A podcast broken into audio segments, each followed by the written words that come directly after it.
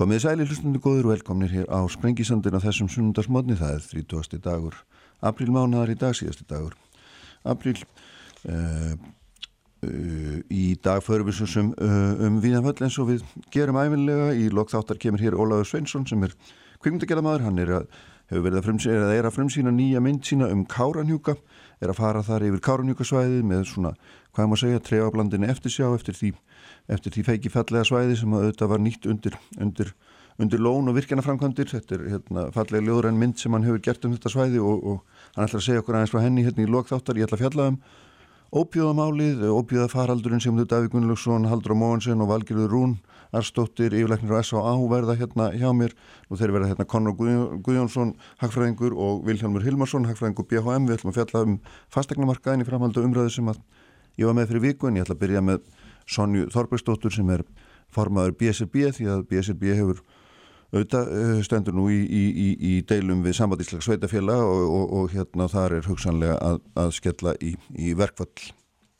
Þetta er semst allt hérna á Sprengisandunum í dag. Sælir áttur hlustundur við, við hérna rúlum þá að staðins og leðlikur á Sprengisandunum í dag. Ólaður Sveinsson verður hér heimildagjalaðmaður, kveikundamaður, kveikundamaður í lokþáttar Sigmundur Davíð Haldur og Móhansson og Valgerður Rúnastóttur verða hér einhvern svona fyrir 11 og Conor Guðjónsson og Vilhelmur Hilmarsson verða hér á eftir hagfræðingar en sestur hjá mér Sonja Þorbjörnsdóttir sem er uh, formaði BSB en uh, eh, BSB stendur núna í miklum, uh, miklu stappi við, við samband Íslega sveitafélag um leiðrættingu launa ákveðina hópa sem við ætlum að forvittast um hér á eftir. Velkomin til mér Sonja. Takk fyrir. Hérna, það er rétt að taka fram, eh, svona í rétti upphafi, við erum aðeins að taka fórskóttasælun og við hittum sérna fyrir, fyrir helgin að ræða hérna, þessa deilu ykkar við sambandísleika sveitafélaga, BSB. Segðu mér aðeins svona, farða eins yfir að með mér, bara östu, hvað, út af hvað gengur þetta raun og veru? Hvað er það sem að, hver er ástætningasteinin? Já, við höfum verið kæra saman sem við við Ríki, Reykjavík og Borg og sambandísleika sveitafélaga nú í nokkra mánu og það er búið að samþykja og klára samninga við Ríki og Borgina En eftir stendur sérmál, uh, Gagvart samband íslenska sveitafélaga sem að tengist á því að við hefum félagsfólk sem að starfa allar í leikskólum og grunnskólum og frístundaheimilum, íþróttamannverkjum og, og í þjónustuðu fallafólk, mm -hmm. sveitafélagin og þau starfa oft í nákvæmlega sömu eða samballegum störfum eins og fólk sem er í öðrum stjættafélagum og þessi setni hópur sem er í öðrum stjættafélagum þau fengur launahækkanir frá 1.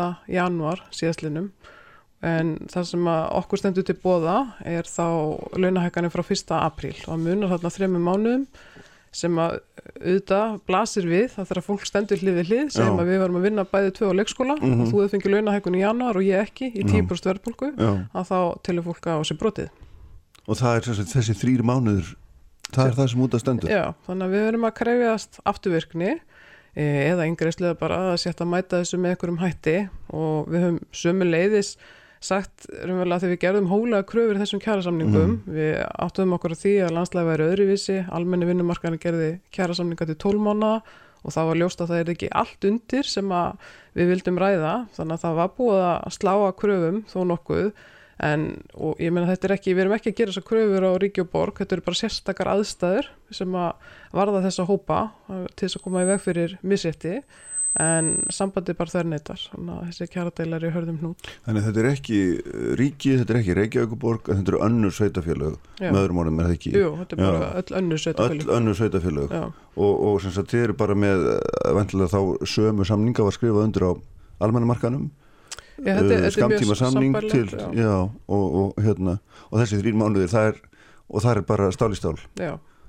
Og þvert nei. Þvert nei. Það sem að sambandi og fæst þetta ekki rætt eða hvernig Nýja, sambandi eru vel að hafna kröfun á grundulli þess að það séu hérna mismundi gildistímar á þessum kjærasamningum, á þessum hópum sem við erum að bera saman mm. og, og það er sannarlega rétt en, en hins vegar er það þannig að, að þegar að þú ert e, með jafnverðmætt störf að þá verður að greiða jöfnlaun, það er samkvæmt jafnbrytslugum og lögum í jafna meðferð á vinnumarkaði og það er skýr dómafrangand fyrir því að, mm. að þegar að fólk er í sömu störfum hjá sama atvinnreikanda að þá má ekki mismun á það heldur ekki e, á grundulli kjærasamnings. Þú veist þannig að atvinnureikandi, hann verður að axla þessa ábyrð og bera það að tryggja jafnbrytti í framkvæmd. Þannig að ykkar tólkun á lögum, dóma á framkvæmd eins og nefnir er alveg skýrum það að það þarfur en verður ekki eins og ræða þetta. Nei. Þetta er bara Nei. þetta er ótfyrætt Já, og svo kannski líka og hvað, hvað gerist þegar þið tefli fram þessum rökum og, og síni fram á þetta? Og endla hafið þið gert það í þessum viðræðum? Já, og það er fátt um svör. Eh, það er yfirlt alltaf þetta sama svar að þessi mismundi gildistími. Eh, en hins vegar að þá eru þetta sérst, að þessir hópar er að sinna sumustörfum og eru Mm. mismundi stjæftafölum þá hefur síðastlinn 20 ár alltaf verið passað upp á að séu sömu kjarabætur til þeirra til þess að aðstæður kom ekki upp. Þannig þetta er nýtt viðþorfið eða hvað Sko, ég segi það ekki alveg, þetta kom okkur óvart Mm. eh, að þau ætluðu ekki að verða við þessu að því að þetta byrjuðu símtöluna að koma til okkar í februar eftir hérna, fyrstu launahækkunna og ég gerir ráð fyrir að það hafi líka verið þannig til sambandsins að því að við hefum heyrt í mjög mörgum stjórnundu sveitafélaga sem að átta sig ekki á því af hverju þessar aðstæður eru komnar upp og sambandið er þá með samningsumbóð fyrir þau og hafa sagt að þetta sé bara mismundi kjærasamningar en við vitum að einhverju vilja leiðrétta þetta en allt kemur fyrir ekki en síðan sérst í síðustu kjærasamningum þá kom upp svona sambarlegt sérmál gagvart sambandinu, þetta er aftur við erum í Mm. svona sérstökum aðstæðum út af ákvörnum sem þau eru að taka, Já. ekki út frá einhverjum okkar kröfum, Nei. heldur sem að e, búa til, þær aðstæður að við þurfum að gera sér kröfur á þau til þess að tryggja jafnræði milli fólks í launum. þú voruð að skýra þetta fyrir mig betur að þú ert með, með sveitafélagin sjálf sem þú ert að lýsa að það sé vilji til að leiðrétta þetta að, hálfu eh, stakra sveitafélaga Já, einhverjir einhverja, sveitafélag. já, á minnstu kosti.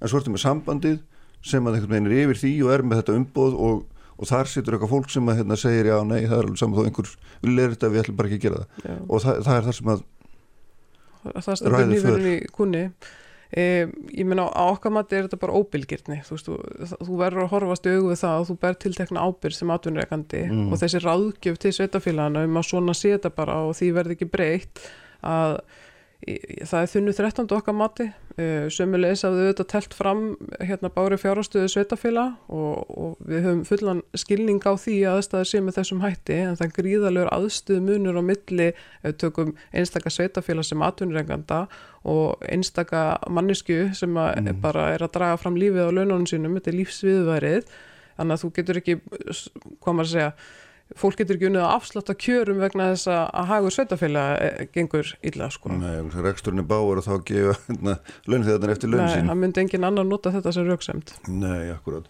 Og, og hérna, nú er það þannig er það ekki rétt skilið hjá mér að, að þið hafi í grunninn ekki umboð til þess að skrifa undir kjærasamning, þið sem farið með samningsvaldi við að hálfu BSB. Nei, það er bara verið, Öðruvísin að þetta verði leðrétt, þannig að það er, það er svo, svo þröng staða. já, Það er lítið eftir annað heldur en að það er búa fullir einar um vel alla leiðir. Við erum Mm. auðvitað búin að e, setja fram þessa kröfu í kjærsamsborið, við erum búin að vísa deilin til sáttasemjara, það er búið að reyna til þrautar að finna einhverja leiðir e, og það er alltaf bara þvert nei af halvu sambandsins og að því okkur fast þetta svo mikil óbylgirni að þá fórum við fram á það að við vildum fá sagt, skýrari skýrara svar frá þeirra baklandi þannig að stjórn sambands íslenska sveitafélag fjallaði málið og þar sita 11 fulltrúar en ég menn þetta eru rúmlega 60 sveitafélag sem mm. hafa samninsumboð fyrir mm, eh, en þá kom aftur þetta svona þvert nei um, en við höfum áhyggjur af því að, að að skoða ráðgjöfin, hún taki ekki miða því að það sé búið að skoða nægilega vel að þetta, þetta misrétti sem í þessu fælst og þetta sé brota á, á lögum og við getum rétt ímyndað ykkur, þetta eru hópar sem eru búin að standa sér stormin í gegnum faraldurinn í auknu álægi, þetta eru Mm. líka hópar sem eru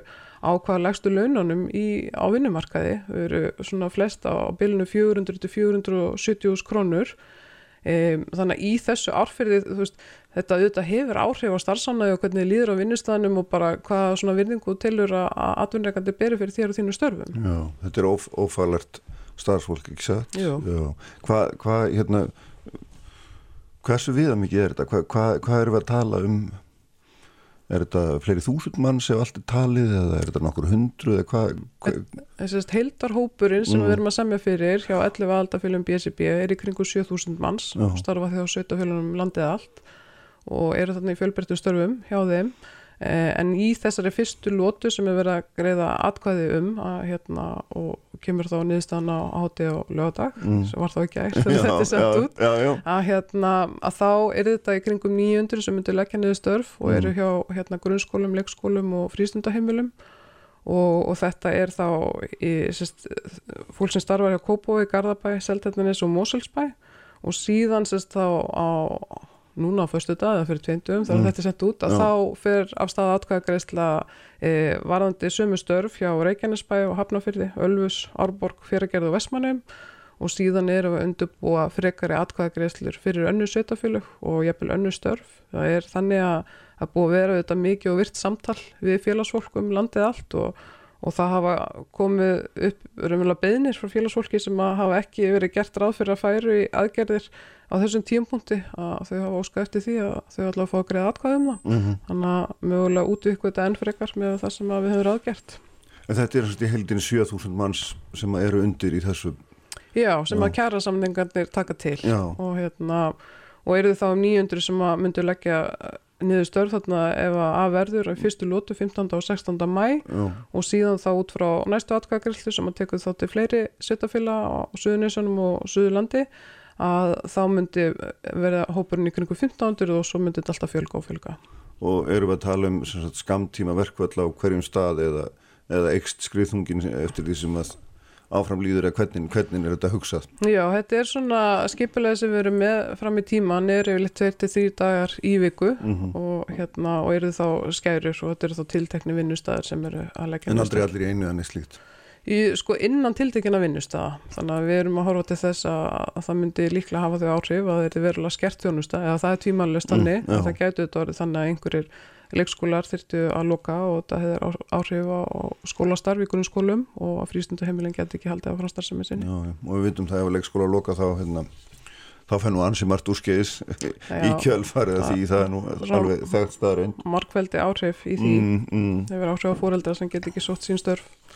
Já, já, en hvað svona hérna, ég áhuga að vita eh, sko hérna þennan svona, aðeins meira um þennan svona lögfræðilega vingil vegna þess að það er auðvitað eitt er að segja nei, ég vil ekki semja en annað er, er að hérna, fylgja lögum. Mm og er það ágreiningur um það á milli ykkar annars vegar og hálfu sambandsísleika sveitafélag hins vegar um það uh, hvernig, lög, hvernig ber að tólka lögin eða hvað, hérna, hvaða lög er við eða hvernig Þau hafa raunverulega ekkert eh, svarað því almennilega. Þau hafa bara sagt að það sé mismundi tíumbil kjærasamninga og, hérna, og það sé ástæðan fyrir að þau hafnið þessu. mm og, og þegar að við höfum komið þessar rauksemdir um að þetta sé brota á, á jafnbreytislögum að þá koma, er lítið um svör e, mögulega að því að þau vita að, að þetta er sérst, að þetta varðar jafnbreytislögin og, og lögum jafnum meðfyrir á vinnumarkaði og það er eitthvað sem við myndum leggja fyrir hérastóm -hmm. þannig að það er ekki niðurstaða sem myndi fást á, á næstu vikum eh, þetta er sérst, ekki mál sem við leggjum fyrir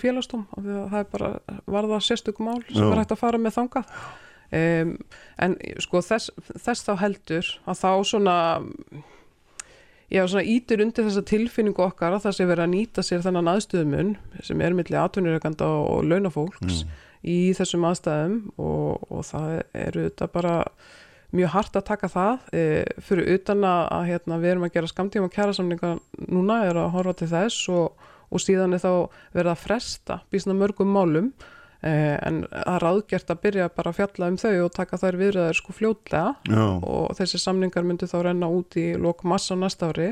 Og þá er þetta mjög stór kjærasamningslota það sem að er allt undir Já. af því að vera að horfa þá til lengri samninga.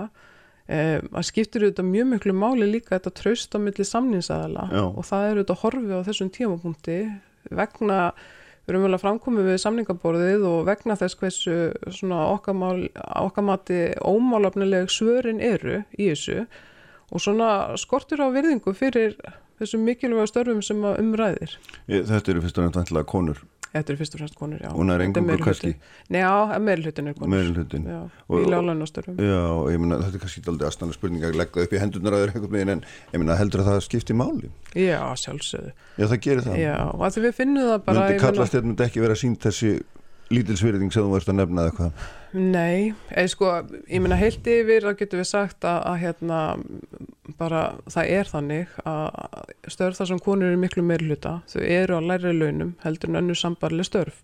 Þannig að það er svo skekkja nú þegar á vinnumarkaði og, og við finnum það bara mjög gætnan að það er borin meiri virðing fyrir störfum þar sem er verið að skapa svona áþreifanlega verðmæti, þar sem Mm. er ekki verið að vinna svona í nánum persónlega samskiptum við fólk en það eru einmitt störfin sem að valda hvað mestu álægi og hvað mestur er veikindafjörfuru og það er mikil starfsmannavelta og mikil mannekla þannig að þá auðvitað horfum að líka til þess að þegar þú veist svona raunverulega svolítið bara já, þú veist þegar þú sendir svona skilaboð inn í Mm. vinnustaf í þessum aðstæðum öllum hvaða áhrif hefur það þá á bara svona vilja fólk til þess að vinna á vinnustafnum, starfsaðanana og svo framvegis? E, þannig að auðvitað eru við líka í svona stærra verkefni e, sem er þá í samstæði allra aðla vinnumarkaðarins og fórsætsrandi leiðir um endum að það virði kvennastetta þú veist það þarf að lifta upp launum kvennastetta til þess að séu e, á japs við hérna kallastettir og, en þessi aðgerð nú snýst ekki eins um það. Þetta er Nei. bara til að fyrirbyggja misrétti út af aðstæðin sem að við höfum engin hérna tök á að breyta. En þetta samt sem áður skarast að einhverju leiti grannlega þínu já, já, þetta hefur auðvitað áhrif. Af því að við finnum það líka bara að það er allt öðru í þessi hlusta á kallastettinnar að miklu leiti að kannski meira þá ef við horfum á almenna vinnumarkaða sem er verið að skapa þessi áþreifanlega verðmæti Mm. og ég var að nefna á þann það er náttúrulega einkenni svolítið almanna þjónustuna af því að þú ert í svona störfum að hérna að þá er svona meiri vilji til að láta fólk hlaupa hratt og kannski ekki verða að meta nægilega vel hversu mikið mannskap þar hverju sinni sem að leiði til þess að fólk er að kjósa með fótunum og, og hérna er að kjósa að fara í önnur störf. Og það eru þetta miklar áskorni núna því við sjáum það líka í svona hagsveiflum að þegar allir með störfu fjölgar í ferðarþjónustu þá er það akkurat þessir hópar sem er að fara sér á milli markaða til þess að elda herri launin, skiljanlega þó að þau, þú myndu gætnan helst vilja vinna áfram í almannþjónustunni og, og hérna og svona vilja gefa sig að því að, að þá er þetta þetta afleðingin Þannig að hérna, um, veit ekki, er, hversu sterk orð á maður að nota um þetta viðhorf? Er þetta, þetta lítilsvirðing eða vannvirðing, fyrirlitning, hvað, hvernig, hvað? Ég held að mér bara nota öll þessu orð. Við höfum sagt svona óbylgirni og ósangirni um, en hérna ég allavega, ég staðfesti þeirri trú að við værum ekki í þessari stöðu ef þetta væri ekki um að ræða hópa sem að eru í þessum störfum að, sinna öðru fólki sem hefur sögulega og svona kerfisbundið verið vannmetinn Mm. í, í bara áratugi e, og ég held að veist, hluta af þessu eru þetta það þarf einhvers konar viðhórsbreytingu, það er einhver skekkja í samfélagi þar sem að fólk sem er að sinna börnum og eldra fólki og fölluðu fólki e, og er í mentagera og heilbriðisgeranum er á, á læstu laununum á vinnumarkaði. Mm. Og það, það breytir engu um, hvað maður að segja, hvernig, hvernig samninganemdir vinnuveitundana eru samsettar. Það breytir engu um viðhorfun eða hvað? E, ertu þá að meina út frá því sko, Til dæmis hvað- þegar konum fjölgar í, í hérna, uh, samningnefnd vinnuveitundana, breytir það engu? Af því það hefur vantlega gerst á sko undanförnum árum. það er ekki alla konu feministar það er kannski vandin í þessu að hérna, við búum öll í þessu kynjakæri og við erum svona öll smituð og undir áhrifum þess þannig að við sjáum kannski ekki alltaf akkurinn í því en það sem að sveitafélagin segja þetta á móti og eru mjög stolt að vera að þau hafa innlegt hjá sér starfsmat sem að er kerfi til þess að meta störfin og þá Mm. er það að vera að meta þetta til stiga til þess að tryggja það að sé að vera að greiða jöfnlaun fyrir jafnverðmætt störf og, og það er sérst á við um grunnlaun þannig að til dæmis ef við tökum aftur þessu hópa sem eru að fara í verkvall að, að þau eru launaröðuð með nákvæmlega sama hætti eins og þá fólki í öðrum stjættafjölum bara Mm. þetta sama starfsheiti, stjórninsfulltrúi, leikskólalið, Já. skólalið og svo eh, en þarna vantar upp á þessa þrjá mánuði þannig að þess vegna líka svona ítir undir þessar rauksendir hversu stert að blasi við að þetta sé mismunun. En þannig að sko ef þú horfir á vinnumarkaðan allan að þá er vegna starfsmatsins e, launamunur minnstur hjá sveitafjölugunum mhm. en, en við viljum meina að það sé kannski, jú, þú veist það er frábært að státa sig að því að það verið farið þessar aðgerðir og þær eru mikilvægar en vandamálega kannski það að það er alltaf verið að þrýsta niður laununum þú veist þannig að ef að þakið er eitthvað ákveðið þá skiptir kannski litlu máli hversu mikið jafnbreið er innan þessa þrönga ramma sem Mm. er í launasetningu þannig að það þarf að brjóta þetta þak á bak Já, það er hérna, það er, það er lítill ávinningur fólkin í sameilir fátækt. einmitt. ef að svo maður segja. Heyri, það verður hérna formyndilega að fylgjast með þessu hvernig þetta gengur og eins og nefnir að, hérna, að Já, sem að hérna, aðgerðir hefjast. sakvært lögum að þá þarf 15 sólarhinga fyrir ára Mm. ábúðun verkvals það er lengri tími okkur heldur en almennu vinnumarkaði vantarlega vegna þess hversu mikilvæg störf þetta eru Já. sem að hérna, endspegla það þannig að þetta er þá 15. mæ sem að fyrsta aðgerðum myndi hefjast Takk Sonja Kellega fyrir, fyrir þetta og uh, við höldum svo hérna áfram handan við auglýsingarnar, þar verða þær hjá mér hagfræðingarnir Konráð Guðjónsson og Vilhjálmur Hilmarsson við ætlum að halda áfram umföllum frá því fyrir viku um, um fastegnamarkaðin, sveiflur á honum, verðsveiflur og, og, og þess áttar og, hérna, og kanna hvaða leiðir eru færa til þess að auka þar stöðuleika. Sælir eftir hlustendur, uh, Sonja Þorbjörnsdóttir færin frá mér, þeir eru sestir hérna hjá mér Konráð Guðjónsson og Vilhjálmur Hilmarsson sem eru hagfræðingar, Konráð hjá Greiningu Arjónbanka og Vilhjálmur auðvitað hagfræðingur uh, BHM. Uh, við ætlum að fjalla hérna um fastegnamarkaðan og kannski uh, nota svona sem mainstef uh, greiningu uh, BHM á, á honum þar sem þeir sambandi telur að hluti að þeim verða hækku náttúrulega sem við sjáum sé meðal hans fólkin í, í, í, í álagningu af hálfu verðtoka. Vel, velkomni báðu tveir. Takk. Sko í síðustu viku þá var ég að ræða um fastegna markaðinn Uh, voru hérna formaleginn samtakana og, og svistur mannkarsins samtaka innanins vorum að ræða um svona afskipti hins ofnbæra og líka þróun verðs uh, á síðustu árum sem hefur náttúrulega verið gríðalegar hækkanir og, og hérna guðmundur frá leginsamtakun bentinu á að þrátt fyrir allar allar að markaðurinn hefði raun og verið átt að leiða til þess að verða lækkaði vegna þess að svo mikið eftirspurn og, og, og hérna þá hefði þetta svona átt að kannski geta farið í hináttin að það er alveg saman til hvað aðgerða hefur verið gripið að verði heldur bara alltaf áfram að, að hækka það er alveg saman hvað eru byggjumarkar íbúið það er bara alltaf verði hækkar alltaf bara alltaf og hækkar. Og viljum þið hjá hérna BHM því settur hún fram að aðtilsverða kenningum það að þetta væri meðal annars vegna þess að einfallega álagningin að hálfu þeirra sem byggja væri bara svo mikil ef ég skil ykkar svona uh, hérna, aðdúasendir rétt og, og svona uh, orða þær í nótskuld Já, við höfum séð sko að álækning er að aukast á nýbyggingapartinum mm. og bara hlutfall markasverð fjölbílis og byggingavístölunar er sögulega mjög hátt og það, endist, það er bara afleðing líka af þessum mikla eftirspyrnaþrýstingi sem hefur verið síðustu ár og þetta er svo sem ekkert sem kemur óvart. Við vorum að meta meðal álagningu, álagningu á, á nýbyggingar að það sé eitthvað um 100% núna. Um, og hafi hækka bara samfelt uh, síðustu ár. Um, og þetta ætti svo sem ekki að koma nefnum óvart myndi ég halda. Nei, en samt hefur mikil áhrif eða hvað? Já, maður hefur náttúrulega áhrif á vermyndinina ef, að, ef álagning er að aukast bara í, í gegnum uh, meðal annars fákynnisálagning mm álegninga flóki fyrir bari en, en, en hún er að hækka Já Hvað séð þú konar? Hvað hva, hva eru þína skýringar af þessu að hérna, þetta verð heldur bara áfram að hækka og hækka og hækka það er einhvern veginn svona, viljast ekki vera nokkur endir á, á því? Nei, við hefum nú séð samt reyndar náttúrulega frá því eiginlega bara í ágúst á síðast ári þá var íbúið verið reyndar bara heilt yfir nánast að lækka við séum kom núna óvænt mæling í mars það sem að tóka einhvern keipa spurning hvort að það sé þá bara að það sé fara aftur að stað eða einhver dauðakipur við erum svona aðeins eftir að sjá það en, en ég held að sem kannski ágætt, ég leifi mér að efast alltaf stóla um það, kannski skýringin sé það einhvern veginn að byggingavertakar er alltaf ákveð auka álægninguna sína mm. þetta gerist náttúrulega í samspili með það að, að hérna, það búið að vera þessi rosalega mikla eftirspilna þrýstingur við erum búin að vera og kannski sem gleimist að mér finnst eiginlega alltaf þessar umræðu um, um hvað er búið að vera að gerast. Við erum búin að standa í fólksfjölgun sem við sem þjóð höfum ekki staðið á þau í. Og ef þú skoðar alþjóðleitt samengi þá er þetta fólksfjölgun sem sérst hvergi í, í raun og veru í þróðum ríkjum. Að okkur sé að fjölga hérna 23% ári nokkur ári röð. Og þá náttúrulega mynda skriðilega mikil eftirspurnar þrýstingu bara út frá því.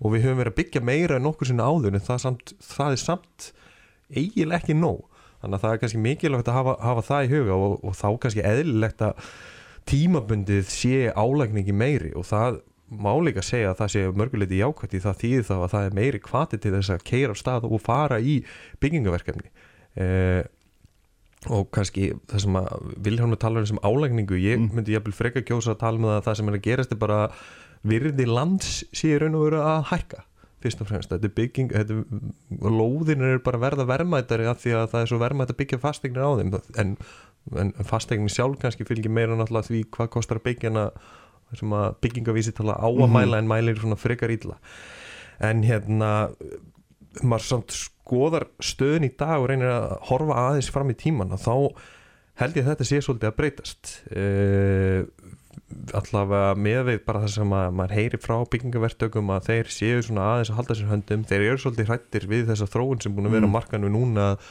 taki lengri tíma að selja að hérna að, að hérna verðið sé kannski eitthvað að gefa eftir að staðna og meðan það er ennþá hellingskostnaðar hækka niður og meina hérna laun hafa verið að hækka fjármagskostnaðin verið að hækka að þá er ég eitthvað er ég ekkert hissa þó að myndi sjá kannski til dæmis íbúðafjárfestingu bara mögulega að gefa eftir vegna þess að þá áma að segja álagningin sé þá einhverju lítið að snúa og menn kannski meiri óvissa þannig Mm. að, að ég hérna held að sé líka þá bara mikilvægt að undirstryka að, að þá að horfa í fram á við líka þó að álagningin eða hafi verið mjög mikil við mjög sérstakar aðstæður að þá geta hlutinu breyst hratt Já, ég meina þetta er rétt sem þetta er rétt sem Conor segir sko með Mhm. eftirspurnina að Mhm. það hefur verið mikið þrýstingur bæði gegnum þennan mikla hagvöxt og þennan þessa fólksfjölgun uh, fólksfjölgun bara árinu 2022 það hefur verið 10.000 manns sem er bara við höfum ekki séð áður í sögunni þannig að uh, það verður mikil eftirspurn eftir húsnæði til framtíðar og ég get ekki ímyndum mér annað en að greinu verður mjög arbær til framtíðar ef þetta heldur áfram mm. og svo náttúrulega annar mál bara með heilda, heildarsamingi og hvað áhrif þetta hefur á hagkerfið þessi miklu fólksfjölgun. Um, en um, þetta er náttúrulega sem við síndum þetta er, þetta er náttúrulega markasverð álagning í markasverði þannig að það hefur einhver séð hagsin í að kaupa á þessar álagningu en það breytir því ekki að hún er uh, uh, sögulega há og miklu hærri heldur við sáum fyrra hámark uh, árið 2007 um, og um, svo hefur líka verið sko byggingarnar hafa verið að koma hlutvastlega meira inn á þjættingareitunum þar sem að byggingakostnæri er hærri. Eh, þar sem að eftirspurnin einkennist kannski aðeins meira af fólki með hærri eh, kaupgetu. Mm. en allt þetta leiði bara því að, að kaupmáttur almenningskakvæmt húsnæði hefur snarlega minkað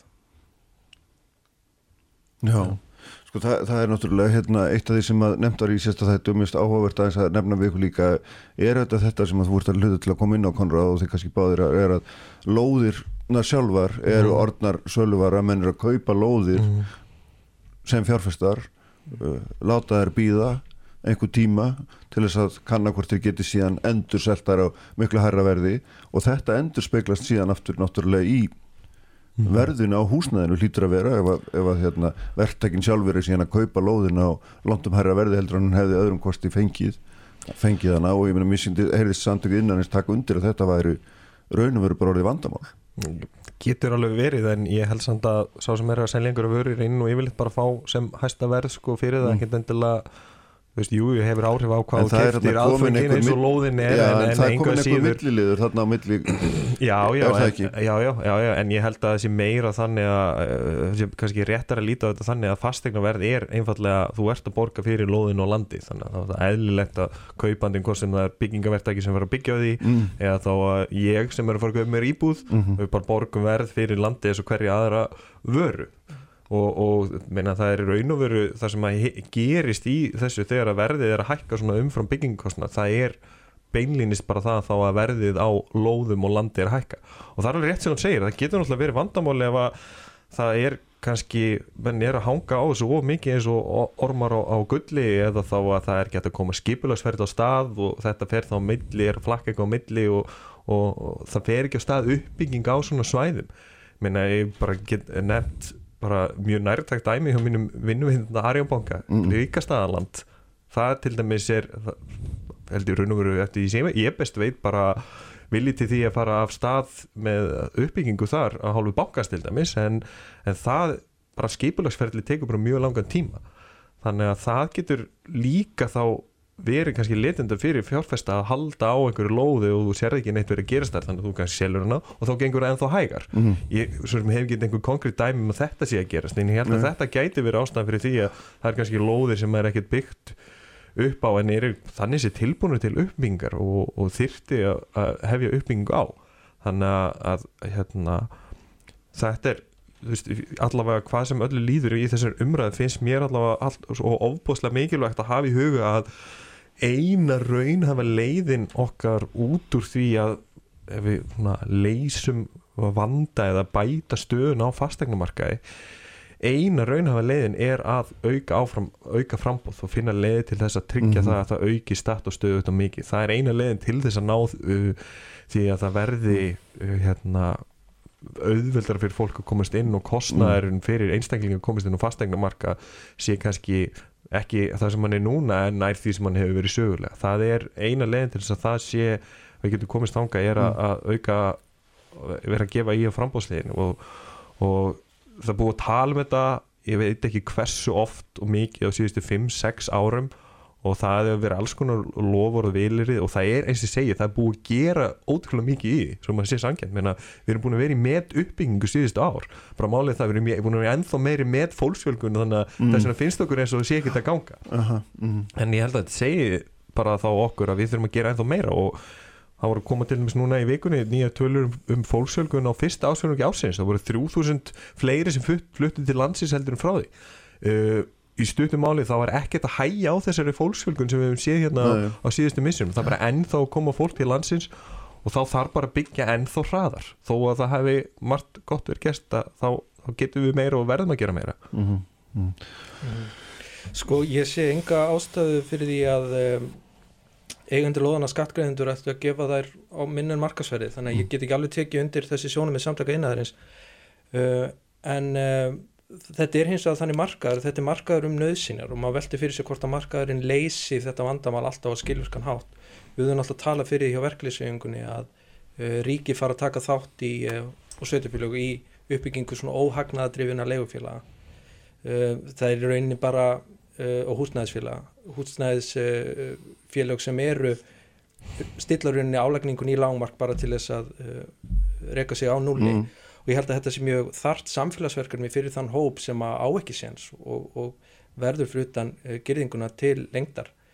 Uh, og það verður að gefa þessu aðeins uh, meiri aðtegli og það er alveg spurning sko hvert á að verja þessum fjármunum sem er fara til byggingarinn ég sá í minnisblæði frá fjármáraræðanitinu á árunum 2015-2021 eru 70 miljardar krónar sem renna til í endugriðslur vegna vasks til bingarinn hans og það máli velta því fyrir sér hvort þetta sé rétt, uh, réttmættir ástöðun bara í ljósi stöðu greinarinnar og, og hvað hefur verið hægt að verja þessu mm. í öðrum kosti sko. Mm. En finnst þér að þess að því þú ofnbæra þurfi að einhverjum hætti að stýra þessu markaði betur, það er það sem að þú ert að segja er það ekki?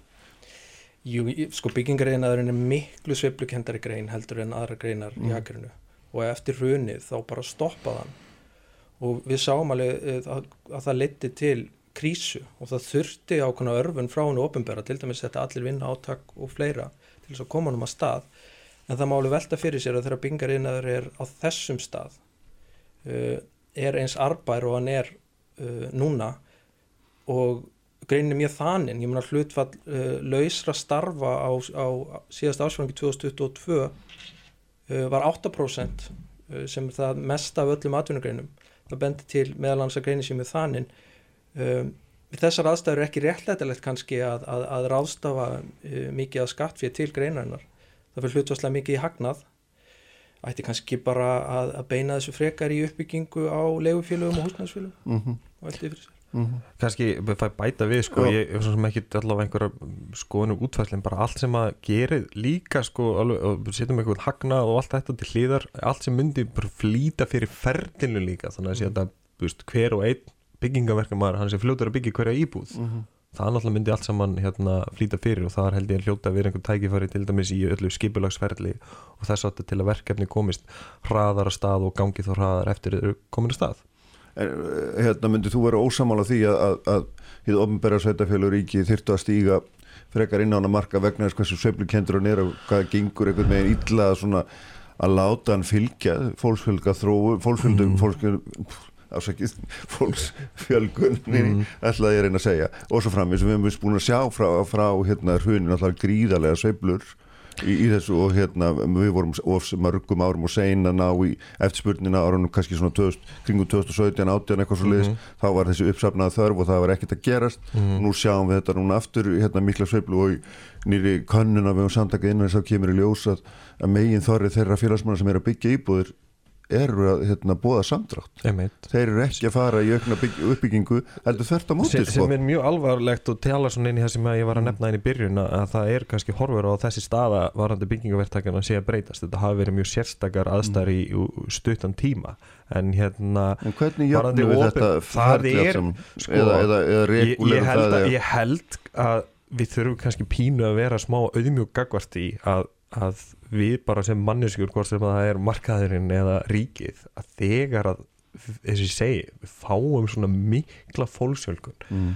að þá er bara afskaplega þá verður það held ég alltaf frekar mikil brekka sko hvað nákvæmlega á að gera sko. ég held að við þurfum kannski aðeins að vera þú veist, jú, ríki og sveitafélag geta gert meira stíð meira inn í en ég held að við þurfum líka kannski að gera okkur einn fyrir að þau eru alveg, alveg, alveg takmörkuð í því að, að sjá alveg takmörkuð og, og hérna, engaðalega sjá fyrir hvernig þróunin verður hérna næstuði þrjú-fjögur árin sko, það mm. er engin veist, það er engin kristalspúla þeirra er engin kristalspúla þeirra er engin alltaf betri heldur en, en markaðir, mm. mjögulega verri myndi einhverju segja, þannig að ég heldur við þurfum svolítið kannski að gera okkur grein fyrir því fyrst, en, en aftur komur samt einhvern veginn niður á það sama þau geta gert meira til að stiðja við og það er náttúrulega til alls konar hugmyndir en svo lengi sem það er á frambóðsleginu og ítir undir að það verði þetta byggja hagkvamar og hraðar mm. þá er það jákvægt og hérna var þetta líka byggingar eina en sko bara til að undistrykja þetta hvað er búið mikið í gangi ég, ég held að það hefði til dæmis aldrei verið fleiri starfandi í byggingar eina en heldur en akkurat núna mm. og það veitir ekki af það þyrft að vera fleiri og það er mjög alvarlegt eins og uh, kannunum essi gefið til kynna að það kunna fara fækandi núna að það er eitthvað sem það þurfti að koma í veg fyrir til þess að við náum að að vinna á þessum svona halla sem er skapast milli frambóðs og eftirspunnar reynda kom svo síðan Gallup kannun síns á í morgun að hérna, uh, þar virti spíkingarinn ætla að fjölga hjá sér þannig að þetta er nú einhverjar þetta, einhver, þetta fer ekki allt í sömu áttina eftir í, þessa kannanir sko. En hvernig hérna telur þú Vilhelmur að, við miðum við það að þessi markaður hann ætti að geta verið svona þokkalega stöður og í takt við þess þarfir okkar hvernig hvernig er það best gert? Sko, ég... verði sér skikkanand og frambúið þokkalega rétt. Það er litla spurningar ég veit sko, sko Ísland er í eðli sínu bara mjög sveiplukent hakjuri þannig að þetta snýstu mik miklu meira en að stabilisera eina, eina atvinnugrein sko um, akkurát núna uh, segir til dæmis engar uh, ekki stóra ástafi fyrir að ríkið ætti að, að, að niðugreiða byggingarinnað Uh, allan til skemmri tíma og líka með hlið svona af, af bara þensli í hagkjörunu og, og verðbólgu hröðuninni um, ég er á því að það er að fara aðra leiðir í að styrkja frambóðsleðina að lífverðissjóðir og hefur ofinbjörn að komi bara inn í að í meira mæli að, að uppbyggingu leigufélag mm. og, og húsnæðsfélag um, En það breytir yngum að það þarf samt á, sem áður verktaka og, mm. og hendur til að byggja hver, hver sem gerir það, ekki sett mm -hmm og það hefur ekki svo sem verið vandamála að, að finna fólk, það hefur mm. mikið innflutningur á mm. vinnuafli um, en um, því hefur náttúrulega verið mótmælt mikið núna í fjármála áalluna þegar lækka þetta endurgræstil hlutsvallinir í uh, 35% Já, við erum skattunum Já, Já. Uh, en það máli spyrja sig að því að með við stöðu greinarinnar uh, þenslun og annað hvort það sé réttlandilegt að rástafa fjármunum í þetta til uh, skamstíma og líka hver mikil áhrif það hefur á frambóð. Ég held að það þurfa að marka bara svona ákveðna langtíma sínum hvernig hann verður stabiliseraður sem markaður og ég er ekki vissum að verði gert á svona miklu leiti í gegnum hendugristur og virðsökkaskatti. Þetta er, þetta er svo, svo flóki mál. Mm. Ég held hérna, við skulum láta þetta gott heit í bíli sjá svo hvernig þessu hverju vindu fram og svo hérna tökum við upp þráðin síðan þegar við sjáum hvernig þróunum hefur orðið. Bestu þakki báðið tveir. Og við höldum áfram hérna á eftir ætlum þá að fjalla um þennan svo kallaða ópjóða faraldur Sigmundur Davík Gunnlaugsson verður hér Haldur Móensen og Valgerður Rúnastóttir sem er yfirlæknir S.A.A. Sælir aftur hlustendur höldum áfram hér. Þau eru sest hérna hjá með Sigmundur Davík Gunnlaugsson alþingismæður Haldur Móensen alþingismæður og Valgerður Rúnastóttir sem er yfirlæknir hjá S.A.A. ætlum þetta að fjalla um ópjóða faraldur frétta flutninga á honum uh, sem að hérna, hefur nú uh, verið ansi svona erfiður að fylgjast með enda þarna enda uh, skelvilega fréttir af, af íslenskum ungmennum sem falli hafi valin á þessu sviði. Verðið velkomin all. Mm, takk fyrir. Hérna valgerum langar eins að bara rétt að varpa því til þína því að auðvitað er það alltaf þannig þegar að þegar að byrja að fjalla með einhver málað og, og svona skriðan fer að stað og margi fer að tala þá, þá hérna verða þá stækka mál í umræðinni sjálfri og óháð því hvað er að gerast í raunveruleikanum mm -hmm. og nú erum við að tala um þennan ópjóða faraldur og, og hérna þú ert svona okkar okkar skinnjúst á þessu sviði myna, er, er eitthvað slíkt í gangi eða er þetta talsmáti ofta talað um glæpa faraldur og svo fara mann að tellja glæpin og þeir eru þá kannski ekki jafnmargir og, og tala var um skiluru hva, hva, hvað er á segði núna í raun og veru? Sko ef við ætlum að fara að tala við tölfræðingum hvernig skilgrinning er á faraldri sko, þá, þá er nú best að tala við ykkur aðra. En það er alveg dagljóst að þetta er mikil aukning á óbjóðum þetta er sama eins og sést bara í öðrum löndum í kringum okkur, við höfum öll hýrt frá bandaríkjónum og þeirri uh, öldu sem er ekkert láta á þar en þá mm. en uh, við höfum ekkert farið varluta af þessu hjá okkur. Og, og við höfum uh, hérna tekið, eh, séð eh, sérst, aukningu alveg síðustu árin og uh, á þeim sem er að koma á og eru með ópjóða fíkn þar að er að nota þessi sterku verkjalif Já. sem eru aðalega oxykontin og kontalgin, líka kótin, tramól og fleiri lif um, sem að hérna eru mjög, mjög ánætjandi og við sjáum mikla aukningu í þessari neyslu og það, þau eru hættuleg þessi lif þau geta valdið andlátum Mm. auðveldar heldur en öðrun önnu lif þess vegna eru, eru sagt, auðvitað þessar skelvilu afleðingar eru döðsfull af þessum völdum Já, en eftir sem áður þá erum við að eiga við sama vandamáli sem er þessi fíksúdómur sem að bara skiptir mjög miklu máli að, að hérna meðhundla Mm. Og hafa hva- passa á að opna dyr hvað veldur að þessari breytingu? Já, hvað veldur því hvaða lif eru vinsælu hverju sinni er ekki, þú veist, það er kannski flókið, Mm. Flók, flókin ástæða. Er þetta, Það er er mikil meiri, meiri neysla eða, eða kemur þetta í staði fyrir eitthvað annað eða hvað? Já, þetta er svolítið svip, sko, hérna, uh, ef við hugsaum okkur bara fólk með fíksúdóm sem einhvern mengi, þá er bara mismunandi hvað er eiginlega aðal vímu efni sem er í nótkun, það fyrir eftir hvað ári er og, Mm. og, og áhrif í, í kring og aðgengi og þeirra ímislegt sem hefur áhrif á hvaða efni eru, eru vinsæl. Hérna, þið munið það kannski ekki en hérna kringu 95 og 6 þá var hérna MDMA og ecstasy bóla og við fengum svona ópjóðabólu kringum aldamótin en, en núna er þetta bara eins og er í öðrum löndum líka. Þetta er bara er margt sem hefur áhrif á aukna, aukna nýsla af þessu tægi og smitast, þetta er svona, má segja eins konar smit í raun, hvað er vinsælt og innan gesalappa eða, eða ver, hvað verður eftirsótt. Mm. En þetta er sami ólöglegi markaðurinn eða er þetta mikið til lækna ávísanir? Það, það, það hefur nú verið í fréttum meðal annars. Gegn, sko, það hefur verið bara mestu leiti gegnum lifiðátskriftir lækna en lifin rata líka á ólálega markaður er seld bara, þannig að fólk er að taka lif sem er ekkert ávísið á þau og um, auðvitað líka eitthvað innflutt og svo hefur verið að tala um framlistu sem ég veit, veit ekki um það lögurlegum geti betur svara því en upp til hópa þá held ég að þetta séu lif sem bara koma fyrst frá læknum Mm. Til einhverja sem ekki þurfa að nota þau eða selja þau og svo framvís. Mm. Sko, þið hafið hérna, sem þú verið að ræða þetta þessu þinginu þetta, og þú hérna, uh, eins og ofta aður ádráttalösi skoðunum þegar þú ræðir um þessi mála það hérna uh, þurfa að bregðast við þessu með ekki við þessu nákvæmlega en svona almennt þessum stóra heim í fíknirina með, með meiri aga eins og þú kallaðar það uh, ekki með lögleðingu ekki með neins konar eftirgjöf satt ég meina uh, ef við tökum þennan faraldur svona reynum einhvern veginn að nota hann sem einhvern veginn hluta fyrir heild. Hva- hvernig hérna finnst þér að samfélagi eigi að bregðast við?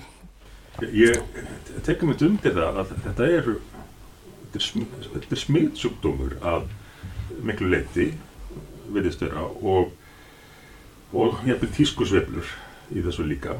En ákveðin smitt berast til landsins eins og að fara mjög vel yfir hérna á uh, einhver ára fresti og þá hlýtur að vera grundvallaratriði að reyna að koma í veg fyrir eins og hægt er aðgengi að smiti leiðirnar séu sem fæstar. Og þess vegna þykir mér það vera ágefni að helstu viðbröð stjórnanda við þessari þróun séu þau að, að vera enn að vinna að frumvarpi um lögleðingu og eins og frumvarpið var hérna, frá síðasta helbriðisráð þeirra þá var talað um neysluskamta á þess að tækist að skilgreina hvað neysluskamtur væri. Mm. og ég held að menn þekki það að neysluskamtur eins getur verið banabitti annars í, í fyrstu tilur og e ef það hefði náði gegn á sínum tíma þá hefði það þýtt að lauruglan hefði getað gert aðtúasendir við það að unglingar væri að uh, drekka bjór einhvers þar í gardið á götuhorni en ef að viðkomandi hefði verið með tíu skamt af uh, oxycontin kontalgín eða hvað þetta allt heitir þá hefði bara verið að segja lög- lögguna að hyggja sig ég er bara hérna með neyslu skamta Mhm. tíu neyslu skamta og það auðvitað þýðir að það er miklu auð- auðveldara fyrir þá sem að vilja dreifa þessu, dreifa smittsjúkdómum og selja að komast á meðal krakkana og, og ná til þeirra, mæta í, í partíin og, og, og segja, byrju, þetta er bara nýslu skamtur, sko. ríki segir að þetta sem er að löglegt. Ég man eftir eh, í minni tíð í, í mentaskóla seint á síðustu öld að, að það var engin allavega í þeim skóla sem að maður heyrði þegar af sem mætti í, í bekkjarpartí með uh, ólögleg fíknefni. En ef að ríkið segir þetta er allt í lagi og, og við erum jafnvel strángari á, á, á, á áfengjunu heldur en fíknefnunum þá hefur segjað að sömur hefur tekið aðrar ákvarðanir en þeir gerðu og fyrst og fremst komist í kynni við þessi efni. Mm. Þannig að við hljótum að vilja eins og mögulegt er eh, hefta útbreysluna, hefta smít leiðirnar þó að gerum okkur grein fyrir því að, að fíkni vandi verði aldrei upprættur endanlega. Við fengum ekki fíkni að löst Ísland árið 2000 Nei, nei. eins og búða var og það er auðvitað ekki raunhæft en við, við hljótum samt að vilja halda smittsjúkdómnum mm -hmm. í skefjum eins og eins og við mögulega getum. Mm -hmm. Haldur á. Sko, Já. mér blöskrar stundum hvaðan kollegi minn, Sigmundi Davíð, leifi sér að fara með svona einhvern veginn svona staðrindavillur sem að ég bara hvet alla sem hafa áhuga á þessu Nefndu að lesa sér til um hvað fíknir, að lesa sér til um hvað fíknir. Fíknir er ekki smittsjúkdómur, bara er það ekki. Uh, en allt í lagi, Sérfræðingurinn var nú að benda á þetta hérna, en við skýtingmenni getum talað um því. Um að, sko, fíksókdómur er ekki smittsjúkdómur engan veginn en sko. hins vegar er, það eru smita áhrif það eru smita áhrif á hvað er vinsælt já, við Er, skulum, er ekki smittsjúkdómur. nei, ok, þá skulum við, það skiptir máli að segja hlutina, þú veist, rétt, Já, út af því að tala um þetta sem smittsjúkdóm er bara ránt. Þannig að ég, ef, ef, ef Já, ég fæ bara já, að halda já, þess já. áfram. Fíknefna neysla smitast. Þetta er sko, þetta er kenning, ertu, hvaða kenningu, hvað, í, í hvern ertu að vísa með að, að fíkn sé smitt, að smittist? Þú veist, varst ekki að hlusta hérna á eingangsorðin. Jú, jú. Og, og, og, og svo getur bara sko, lítið á raunveruleikan. Hvernig eh, krakkar til dæmis neyta fíknefna í fyrsta skipt? Ok, það, ég ætla, Já. mér langar til þess að segja, að nota vímöfni og að eiga við fíknastríða er tvent ólíkt. akkurat, það er eiginlega fullt- grundvallar Það fullt af atriði hér. fólki sem notar vímöfni og ekki á sama ekki við neitt vandamálastríð, ekki neitt. Og það kannski notar vímöfni í eitthvað next tíma og hættir svo bara algjörlega sjálfu sér þess að sækja sem meðferð ekkert vandamál. Þetta er megin þorri mm. vímöfna neyslu, ekkert vandamál. Aftur á móti, en leið leiðum, Að að kókain, að megin forginn þar, þetta bara svona gaman svo það verður ekkit vandamál, eða heroin. já, Ég, ég held að sé ekki æskilegt að við séum að segja krökkum þetta, að, að flestir sem, að, sem að bara prófa þetta og nota þetta svona til gamans, þeir lendi ekki neina vandræðum. Þetta hvetur til þess að fá prófi. ok, ég ætla, Og ef við horfum, Þeirri lenda í vandræðum. Já, en við þurfum, að, við þurfum sko, krakkarnir okkar, þeir eru ekki hálfvitar. Þeir kunna að lesa sér til gags og þeir vita hvað er rétt í og ef við erum að segja þeim einhverja rángar upplýsingar, að þá er það heldur ekki hvetjandi til þess að fólk, til, til þess að raunverulega koma í veg fyrir að það verði einhver skaði. E, þú veist, þannig að mér langar bara til þess að, mér langar til þess að klára, Mér langar til þess að fá að klára út af því að sko ef við horfum á hvað fíknir framkvæmdastjóri Geðhjálpar, hann skrifaði bara ágætisgrein núna í gæraði fyrir þetta þar sem hann sagði að það þarf að horfa á fíkn og fíkni vanda út frá reynslu, eins, reynslu einstaklingsins í stað þess að imblýna á afleðingar neyslunar. Refsingar skila engu og fangelsin eru full af brotnum einstaklingum sem eitt sinn voru börn sem samfélagi brást. Sko, þetta kemur frá honum grím, framkvæmdastjóra Geðhjálpar. En við tölum oft um vímefna fíknefna vanda veist, en fíkn er í raun ekki vandi, veist, það er ekki, raun, það er ekki vímefna vandi, er ekki, vandin er ekki vímefnin, heldur er fíkn bara viðbrað við mannlegri þjáningu. Og þetta er, þetta er sko uh, niðurstaða mikið af þeirra rannsókna sem er verið að, að hérna, skoða bara undanfarin ár að fíkn frekar hann að vera sjúkdómur eða val einstaklings er tilraun til að flýja þjáningu þótt að sé bara til skams tíma. Og þetta er gríðarlega mikilvægt ef við áttum okkur á því að, að, að hætta kannski að spyrja alltaf hvað sé að þessum einstaklingum sem er að glíma við fíknivanda heldur að spyrja frekar sko hvað kom fyrir, af hverju er þessi einstaklingur að þjást? Og ef við horfum á hvernig, þú veist, út af því að nú tala Sigmundur Daví að það þurfi bara meiri aga og allt þetta, sko, bann og refsistefnan, hún málar ekkert upp mjög færa mynd. Það er búið að í skuggastara stefnu sem hefur verið til staðir í ára tíu. Um, þá hefur neyslu výmefna aukist, játt og þjætt, uh, vandamálum tengt neyslun hefur fjölgað alveg gríðarlega og þetta er þrátt fyrir þessa refsistefnu.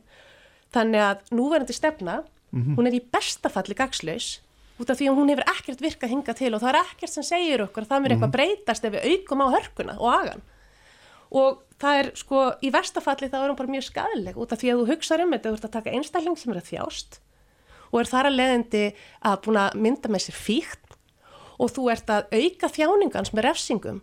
Þetta er bara, þetta meikir engar sens.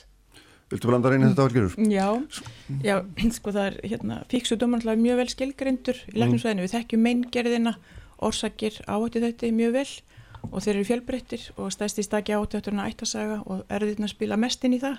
Síðan eru ótal umhverfisáhrif sem hafa líka áhrif og geta sett fólk í áhættu. En um, það er einmitt mjög mikilvægt að eins og Haldur og Bendir á að tala, gera mun á neyslu og fíkn sjúkdómi því að hann er mjög vel skilgrindur og það er kannski 15% af populasjóninni sem er með að uppfylli skilirði um alvarlega fíkn og ennþá fleiri sem eru með minni skilirði og þurfa kannski ekki eins miklu aðstóð en, en og stór hluti er, er í bata af þessum hópi, þessum, fólk, þessum, þessum hópi. En eins og bara við hugsaum um fíknefni áfengi sem er náttúrulega algengast að það eru kannski 90% íslíku sem eitthvað tíma nota áfengi og þeir eru ekki með fíksútum og, og fólk getur nota deyfandi efni mm. til að slá á tilfinningar, það er mjög algengt, það þýðir ekki að sé fíkn að því fíkn er, hefur ákveðin greiningaskilmerki og, og það er ekkit flóki að greina það í sjálfu sér en uh, allt þetta þarf samt yngripp og, og áhrif stjórnvalda eru mest á neistluna mm -hmm. og síðan uh, þegar við erum komið með sjúkdómi þá já. þurfum við að meðhundla hann og, og finna áhættu hópana og sinna þeim mm -hmm. en neistlan almennt þar hefur uh, ríkisvaldið og lögjafin mest áhrif að því, að því þeir hafa mest áhrif á aðgengi sem skiptir mestu máli mm -hmm. og, og ég er alveg 100% samála því að það er ekki pláss fyrir refs, refsingu um, á neyslu því það er auðvitað rangt að refsa fólki fyrir neysluna þó að sé margt í kringum fíknefn neyslu sem er hérna mást helja glæpsamlegt en, og ástæða til að refsa fyrir en, en það að vera háður efni eða þurfa að nota efni það getur ekki verið refsivert og við þurfum auðvitað bara alltaf að passa upp á að það fari ekki í það áttin á vonandi. Hvað eru mörkin þá á milli þess þegar að sá sem er háður efni brítur lög? Það, það já, er það sem þeir gera. myna, það er óhjöfkamlegt að keira já, undir áhrifum og svo framvið sko, þetta, þetta er ekki einfalt í eðli sínu. en það held ég Íslendingar hafi nokkið við almennt verið að setja fólk í fangisi fyrir að vera í neyslu, við erum ekki með þá sögu Nei. sem betur fyrir og við fyrir nú vonandi ekki þanga en ég veit að fólk lendur að sakaskrá og það er mm. alveg breyta því. og, þannig að ég held að sé aðalatrið að sko að mm. refsir að mann en við sko, pæli hvað er auðvilt að sjá áhrif uh, yfirvalda á, með nikotinnið hvað gerðum við þar við hérna með tópaki, tópaksreikingar sem bara, það var bara reglugerðir um sölu uh, og, og sínileika og hvar, hvar máttir ekki svo framvegis og það datt niður í yngsta hóknum bara í 2% og er það ennþá reikingar en svo kemur nikotinnið inn og við erum bara algjörlega sofandi þar eða við hinnir sem eru mhm. yfirvöld, -hmm. segjum það, -hmm. að setja ekki reglur gerðum það þannig að að, að það er aðgengi, auglýsing og mm. glæsileg markasetning hefur gert það að verkum að 18-20 ára einstaklingar á Íslandi, bara allir að þeir 40% hafa nota, nota nikotín sísta mánuð Já. þetta er, er alveg rosalegt og, og, og, og stórlitaði mm. Háður nikotíninu því það er mjög mikið fíknefni í því mm. en þetta er bara dæmi um hversu mikið er en ertu ekki, er ekki það að taka undir með sigmundi þegar hann er að segja að það þarf hérna, það má ekki vera, það má ekki tala um fíknefni sem hérna svona hlutlesan hlutlest fyrirbreyði að því að hérna það þarf að reyka áraðu gegn því að miklum krafti og þessi þá ránda hálfu stjórnvalda að hérna, segja að neyslu skamtar séu bara í lægi sko það er alltaf hérna óhóð, það er alltaf betra að hindra uh, neyslu mm -hmm. allra výmöfna áfengi til dæmis, það er náttúrulega bara uh, hérna, aldrei holdt að drekka neitt áfengi þó að sé ekkert mjög óholdt að drekka lítið sko, mm. en hérna þannig að uh, ef, að ef við erum að reyka líðheilsu stefnu þá, þá náttúrulega reynum við hvað við getum að minka neyslu efna sem að valda skada, hvað sem það er. Má ég grípa, má ég grípa sumt er líka? svo-. Út af því að, sko, í fyrsta lega út af því að Kristján, hún talar um að reyka áróður gegn vímefnunótkun. Mm, Það á aldrei að reyka áróður. Það, það er alltaf bara fræðsla. Og það skiptir gríðarlega miklu máli Ok. út í það munir þar á og fræðsla gengur út frá bara gögnum og staðrendum. Og ég held að það sé mikilvægt líka bara til þess að byggja upp trúverðileika, þannig að fólk hlusti.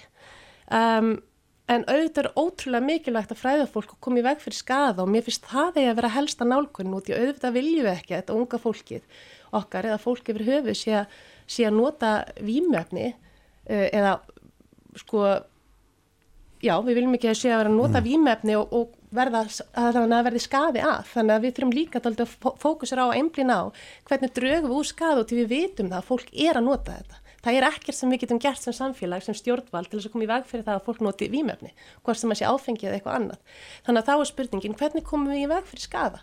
Og það er það sem skadaminkandi hugmyndafræði snýstum og þess vegna erum við að hugsa sko, fyrstulega gerum fólki kleift að treysta lauruglunni að treysta því að þegar það er ringt á laurugluna út af því að það er einhver sem verður fyrir skaða, skaða af výmöfnum í, í partíi til dæmis, að fólk ringi en sé ekki áökjufullt yfir því að lauruglan mæti og fara að refsa öllum. Mm -hmm. Veist, þetta er skadamingun og það er hluti af þessari hugmynd um mm. að afnema refsingar fyrir notendur. Þegar Sigmundur Davíð talar um að lögleiða þá í alverðinni veit ég ekki hvað hann er að tala um. Það hefur enginn, svo ég viti, lagt fram neina tillögu, þingmál eða neitt um það að lögleiða výmöfni. Það bara hefur hverki, hverki komið fram, ekki svo ég viti. Já, það eina sem þið gerðu var að breyta um orð, mm. hætti orðverðis eins og týrkast nú þegar menn vilja að leggja fram eitthvað umdelt að finna þeir e, nýtt og, og, og fallegra orðið yfir það að minna lýsandi orð. E, þegar við erum að tala um lögleðingu fíknirna hérna áður fyrr og þá voru nú tiltúlega fáir á því, þá voru svona einhverju sérvitri frjálsíkjumenn alveg á, á þeim kantunum og svo einhvers konar svona anarkistar sem mættust kannski á pólitíska hringnum en, en þeir jafnan voru ekki að tala um að allt er í frjálst heldur að löglega að einhverju marki. En nú á að kalla þetta afglæpa væðingu Afnema refsingar fyrir neytundur og, og varandi refsingar mm. já, þá er svo algjörðu bendir á þá erum hérna og ég held að það séu örgulega mörg ár síðan það hefði gerst, eða ekki ára týr að, að menn séu dæmdir til, til dæmis fangilsisvistar fyrir að vera neytendur fíknefna en einhvað síður uh, þarf löguröglan jafnir skóla yfir völd og aðrir að hafa tilefni tækifæri til að grípa inn í og foreldra líka þurfa að hafa tækifæri til að grípa inn í. Því að frá því ég byrjaði að tala um þetta og ekki bara í þessari umferð uh, þá hef ég hert í fjölmörgum foreldrum og raunar líka kynst þetta dæmum úr, úr einn fjölskylda eins og, eins og flestir þekkja vantanlega það sem að foreldrarnir hafa viljað leggja ótrúlega mikið á sig eins og alltaf við, við að hjálpa börnunum sem að, sem að lenda í þessu. Uh, en þá fá þeir bara þessu vera það það, með, það sé ekki úrræði til að skipta sér af. Þannig að eitt af því sem ættum að huga til dæmis varðandi uh, refsingar í fíknefna tengdum álum til þess að með fremja afbrót undir áhrifum uh, výmöfna að það sé svo möguleiki hér eins og þessum staðar að dæma menn í uh, meðferð. Og ég veit að þá segja eflust margir meðferð dugar ekkert nema viðkomandi viljiða sjálfur. En það getur þurft fyrir einstaklinga sem að ég vil vita ekki þennan heim í annan að grýpa inn í til að gefa þeim tækifæri til að langa að uh, komast í, í meðferð og, og lifa ellu lífi. Og ég held að það séu hættileg skilabóð þegar að verður að segja annars vegar að minna, flestir sem að nota eitulið þeir, þeir eru bara að gera þetta gamas og hafa lendikir inn um andað það eru mjög hættileg skilabóð til uns fólks og það er líka hættileg skilabóð að segja fólki að ef þú ert í, í vandraðum þetta þá er það líklega einhver annar ástöða því að þér leiði bara illa. Og hverjum líður ekki illa svona andlega nútildags uh, uh, og er þarna komin sko, ástæð tilefni til að, að leysa það bregðast við í, með þessum hætti, ég held að það sé ágjörn Mm. og eins með með aðgengið og útbresluna útbreslu fíknefna smitt e, Píratarnir þeir nú eiginlega hlóa mér, gerðum ekki grína mér í, í þingjunum þegar ég saði einhvern tíman að ég hefði aldrei séð uh, ólulega eitrið, kókain til þess, nema í, í sjónarbi og, og á myndum. Þetta þótti eitthvað skrítið í, í, í þeirra heimi.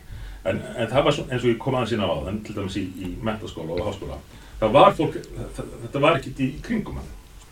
En þegar ég var 15 og 16 ára, fór ég aðgerð á fæti. Og þegar ég vaknaði, hafði ég fengið vendanlega einhverja svona ópjóða.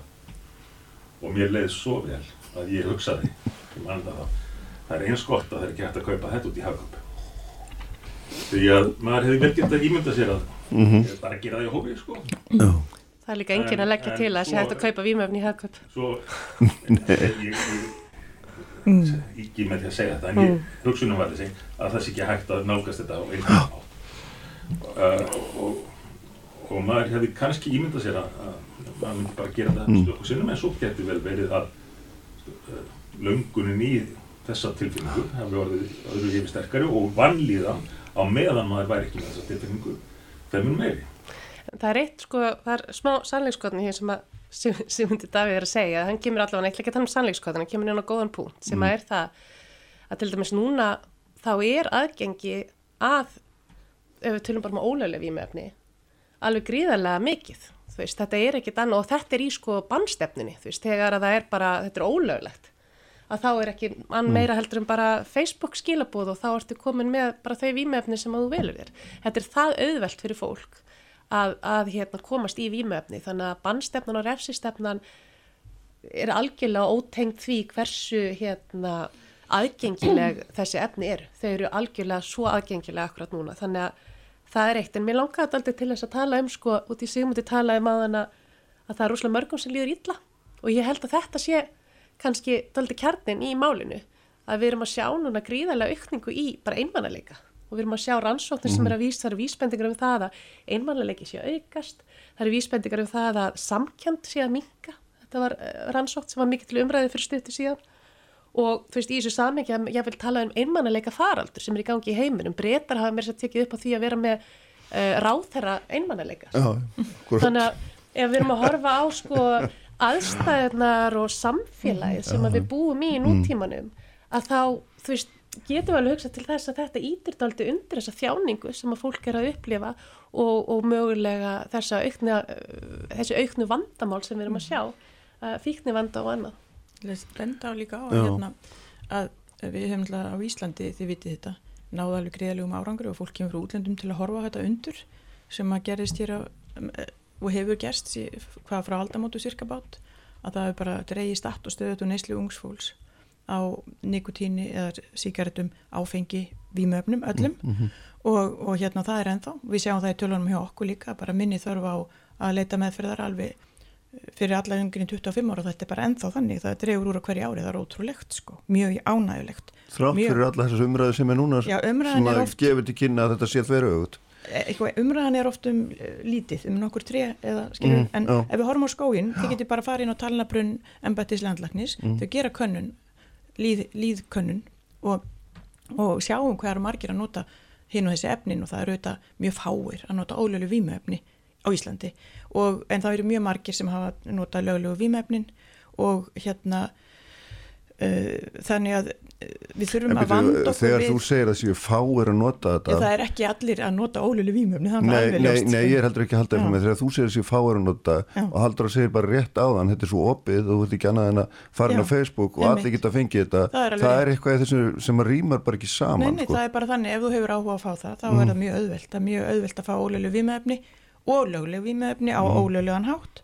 Þannig að það er, það er ekki bara spurning hvort er En þetta er fáir. aðgengið er mjög auðvelt Mhm. og það eru þetta of margir en meiri hlutin er ekki að nota Nei. ólölu vímöfni og það er fyrir marga ákveðin þröskuldar að fara ekki yfir En að nota eitthvað sem er ólöglegt. En þegar heilbríðsáþurann, hm, mjög mikilvægt frásöldur fyrir marga að nota ekki eitthvað sem er ólöglegt. Þetta er, vera grundallar atriði.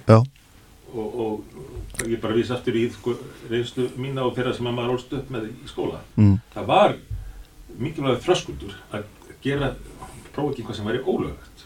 Af því að fólk sko, fylgir skilabóðum frá stjórnvöldum að einhverju marki.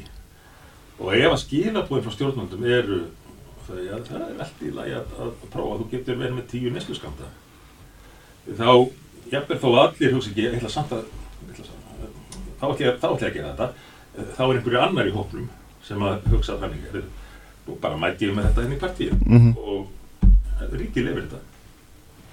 Og þá er þessi þröskuld og þessi hindrun farið. Aftur það er enginn að tala um að regluvæða eða lögleiða ólöglega vímuefni eða að ríkið En selja. það er samt verið að tala um að heimila það hafa á sér þessa tilteknu skamta, hversu svo sem, hvernig svo þeim sem þeir eru skilgrindir. Ég menn það er verið að tala um það. það er verið að tala um það að ef að fólk er að nota vímuefni Já. að það sé ekki verið að refsa þeim. Já. Það er refsi, það er raun og veru Já. refsiramin sem að Þannig að það er að í heimilt í fókus. raun og veru, er það ekki? Ég menn, er það, það er ekki rangur skilningur að það sé heimilt eða það er refsilust. Já, það er, það er, þá, þá, er, er þér ekki refsa fyrir það. En, en, en sko það sem er líka svo for, forvild, eða mér finnst það allavega forvild vegna þess að, að þegar við erum að tala um vímefni og, og þessi, við erum ekki að tala um lögleg vímefni, heldur óluleg í langstæstum hluta, meginum rann en oftast um þau, að veist, það er öll keðjan er, hérna, er lögbrot.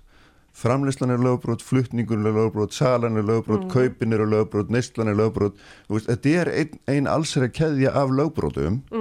Og hvernig getum við þá á endanum tekið sjálfa neysluna og sagt, heyrðu, það er allt í lagi. Að því að En- þau, allt sem við gerum á undan þú veist, framleyslan, hérna, dreifingi salan, flutningurinn, þetta er allt saman lögbrot, peningarnir sem verða til get- þetta er allt saman Við, fér við sko. getum það á sama hátt og mörg, mörg önnur land hafa gert. Já, Og Þetta, þú veist, þetta hefur verið pröfað, þetta hefur verið gert og þetta virkar. Þú veist, þetta hefur sínt þetta, þetta hefur sínt árangur að því leiti að ef að sko, nú fer eftir hvernig árangursmælingin er ef árangursmælingin er að draga já. úr þjáningu og döðsföllum til dæmis, að þá hefur í þeim löndum sem að þetta hefur verið gert þá ha- hafa bara döðsföll minkað bara til muna sko, út af því að fólk er að treystast, er að hérna ringja eftir aðstóð þegar eitthvað kemur upp á. Um, fólk er ekki að, sem sagt að overdósa, nú mann ég ekki íslensku orðið Yfirskamta. yfirskamta, já þú veist, þetta er gríðarlega mikilvægt og þetta snýra því að auka fræðslu og ég er algjörlega samráð því að það þarf líka að auka á hérna sko forvarnir, fræðslu og líka meðferðarúrið, Já. það verður að gera það. Þannig að það er hluti af þessu. En við hljótum að vera sammála því að það virkar ekki eftir núna árat, margra áratuga reynslu. Að það að vera að refsa fólki sem á við fíknivanda stríða þar að segja að sekta þau að taka að þeim lifin, þetta ítir fólki út í meiri glæpi. Og þetta ítir fólki út í mjög hættulegar aðstæður. Þetta gerir það að verkum að þau eru konstantli að reyna að afla sér nýra og nýra skamta þannig að við vitum það að refsa þeim er ekki að hafa þau áhrif að fólk er að hætta að nota það er að gera neyslunni þeirra hættulegri og það er að skapa uh, mun hættulegri aðstæður í þeirra lífi og það er mun minni líkur á því að þau sækja sér bata. Myndir að segja að vannlíðan og döðsföllum hafi fækkað í San Francisco til dæmis eða í Chicago eða öðrum borgum sem að hafa horfið frá því sem þú kallar refsistefnu. En snýst í rauninni fyrst og fremst um að senda einhver skilaboð frá stjórnvöldum um hvað er í lægi og hvað ekki. San Francisco er ekki búin að afklæpa af það neyslu skamta, ég skil ekki alveg San Francisco er, er, það er bara... þeir eru búin að lögleiða kannabis, er þetta að tala um það? Já, og almennt eh, bara slaka á öllum uh, refsingum, eins og þú myndir kalla það, við afbrotum. Og, og það saman við sko með búðaþjóna. Fólki það að ganga, bara þannig inn í vestlanir Sigmundur, það er ekki hægt að setja allt undir sama hatt, það er ekki afklæpavæðing, það, þeir eru ekki búin að afnema refsingar fyrir notendur vímefna í San Francisco, þeir eru búin að gera það í Portugal aftur á móti. Já, já, er mitt, en, en almennt, jú, þeir eru, búin að, þeir eru að hættir að taka á uh, afbrotum, hvort sem það er, er varðandi neyslu hættulega refna, uh, fentanil til dæmis og í Chicago, eða, eða öðrum afbrotum, það er sem, sem þetta, þetta agaleysi sem að fær þar að viðgangast og það eigur á þjáningu fólks. Og það gerir fólki erfiðara eh, fyrir að, að ná sér á strik aftur. Og, og, og það eru auðvitað, það er ekki hægt að ræða þetta öðruvísin í því samingi sem að því reyndar eru báður að, að benda á. Uh, með, með forvarnir og meðferð. Þetta hvort vekkja þarf auðvitað að vera til staðar og í, í lægi líka en, en þegar að meðferðar úrræði uh, að þeim er ekki sint af stjórnundum eins og hefur verið staðan það sem að til dæmis S.A.A. hefur verið fjársvelt þrátt fyrir að það sé augljóslega ef menn eru bara hugsa um efnaðslega árin góð fjárfesting að, að styðja við það frábæra starf og gera það fólki sem, að, sem langar hann á sér að strik það er kleift, þannig að þurfi ekki að vera á, á, á bygglist endalust og, og falla í, í millitíðin og jafnvel látast þannig að þetta þarf alltaf að vera til stað og eitt sem að ég myndi vilja nefna varðandi þetta með refsingarnar. Ítrekka það sem kom fram hérna á hann menn eru, eru ekki dæmdir í fangelsi á Íslandi fyrir að neyta því hérna. en ég held að það, þurfi að, að, að stýtta þann tíma sem að brot eru skráð á, á sakaskrá. Því að margir lendaði því að vera teknir fyrir einhvað jafnvel, jafnvel að selja og sitja upp með það þegar þeir eru búin að fara í meðferð og vilja ná sér virkilega stryk og einbettir í því en eru með á sakaskrá árum saman fíknefnabrót mm. og fá ekki vinnu og, og Mhm. þá er auðveldar að leita aftur í sama farið Já, Já, hérna þessi umræða hérna er einmitt, þú veist, eins og þetta er umblá svo flókin umræða og, og hérna, svona eitt er hérna Já, og, og það, þá, er, þá er það forvarnir Já. og það er fremst í flokki aðgeri stjórnvalda sem skipta máli, almenn neysla og hversu mikið bara viljum við sem samfélag, þetta er samfélagsmál, mm, taka afleggingum af einhverju, neyslu eða, eða menguna, hvað við viljum setja hérna fremst sem hefur áhrif á heilsu og, og það, svo bara einhver ákvörðun um það hvar það endar. Og hérna uh, þar eru aðgengismáli náttúrulega rísastór og það sem barnamálar áður hefur verið að gera með hugsa vel um börnin og, og passa upp á börni áhættu gríðarlega mikilvægt og svo jákvæða breytingar á Íslandi varðandi þetta.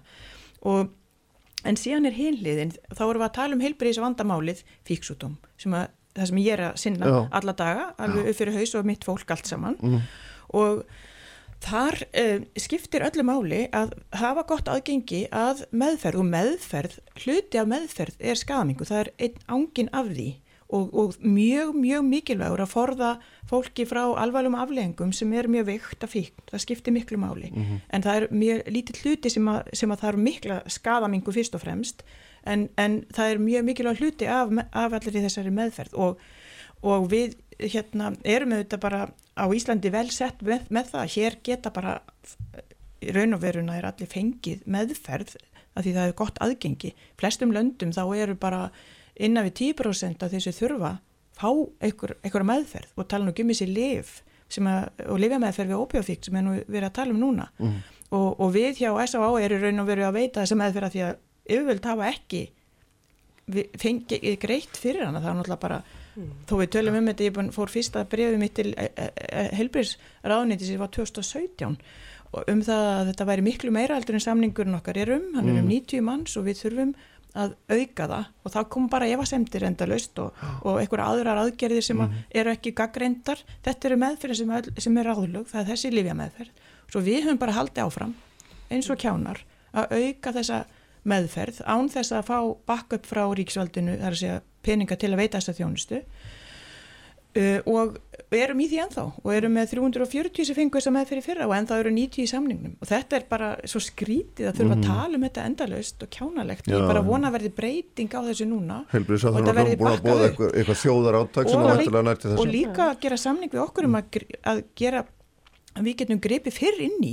Við, veist, við getum gert það, við þurfum bara þá auki mannskap og við kunnum þetta alveg. Við getum reynd, hérna, greint mjög fljótt hverjir eru í þörf á bráða meðferð, hverjir eru í þörf á bráða livja meðferð, hverjir eru í þörf á bráða einhverju öðru eða hverjir eru bara ekki í bráðaþörf, skilur, við erum bara sérfræðingar í þessu og það eru fleiri en við, það er líka landsbytalinn, geðdeldin þar félagsstjónustinni Reykjavík og öðrum sveitafélagum standa sig rosalega vel að sinna fólki með fíksútum, fullt af fagfólki. Það er alveg óhætt fyrir yfirvöld að treysta fagfólkinu fyrir þessu og gefa þeim tækifæri til þess að sinna þessu. Ég tek undir með valgerði, þetta er hérna gríðarlega mikilvægt að, að, að, að fjármagni fylgi hugurinn, sko, veist, að, að huganum, að, að þetta sé fjármagna almennilega og náttúrulega S.A. er að bjóða upp á bara ótrúlega flotta og mikilvæga þjónustu. En mér langar líka kannski til þess að bæta við að ég held að það sé líka mikilvægt að mér langar til þess að rósa heilbreyðsráð þeirra aðeins, aldrei þessu vant. Um, út af því að mér finnst þetta líka vera um, þú veist, áhugaverðar pælingar sem hann er að tala um varðandi morfínklinikin, að skoða það líka sem viðbútt út í auðvitað er það alltaf svona lítill uh, það er bara lítið hópur sem að er kannski búin að reyna allt annað og það virkar ekki fyrir þau og þetta eru aðeila sem er kannski ekki tilbúinir til þess að hætta á sínu, uh, á, sín, á lifinu sem það er háð. Og þá skiptir máli og þetta hefur sínt gríðarlega mikinn sko og góðan árangur fyrir þannig mjög afmarkaða hóp í þeim löndum sem þetta hefur verið pröfað, þetta er búið að vera í Sviss síðan 1994 sem kallar svona heroin assisted En fyrir clinics. ekki, þá, þá er verið að tala um að gefa lif sem eru ætluð til innstungu en, en að skrifa út oxykontin og kontalgin til að sprauti æð það er ekki, það getur engin lækni gert það uh, með góðri samvisku Ég- vegna þess að lifin er skil- ekki ætluð til þess. Nei, þau eru mjög hættuleg en hitt er til og það er svona loka, á, loka hlikur en ég er, við hjá á vogi sjáum fólk koma inn sem hefur fengið lif frá læknum í þessum tilgangi og þau hafa ekki leitað aðstofar árum saman og ekki kannski leitað bara mjög lítilega aðstof sumir ekki eins og beðið um aðstof Já, og þeir eru að lenda á bráðamóttöku skjörgæslu, alvarlega sýkingar og rosalega hættulegt. Og ég veit Að náttúrulega ekki hverja fallið En frá það- ég sko. held að það sé ekki, er, ég Mjög skildi niðurstaða. ekki þannig, þú veist, fyrir mér, ég, er til þessu mótel, þú veist, í Svissia 1994, í Danmörku búið að vera í 13 ári, í Noregi og Þýskalandi, mörgum mörgum löndum,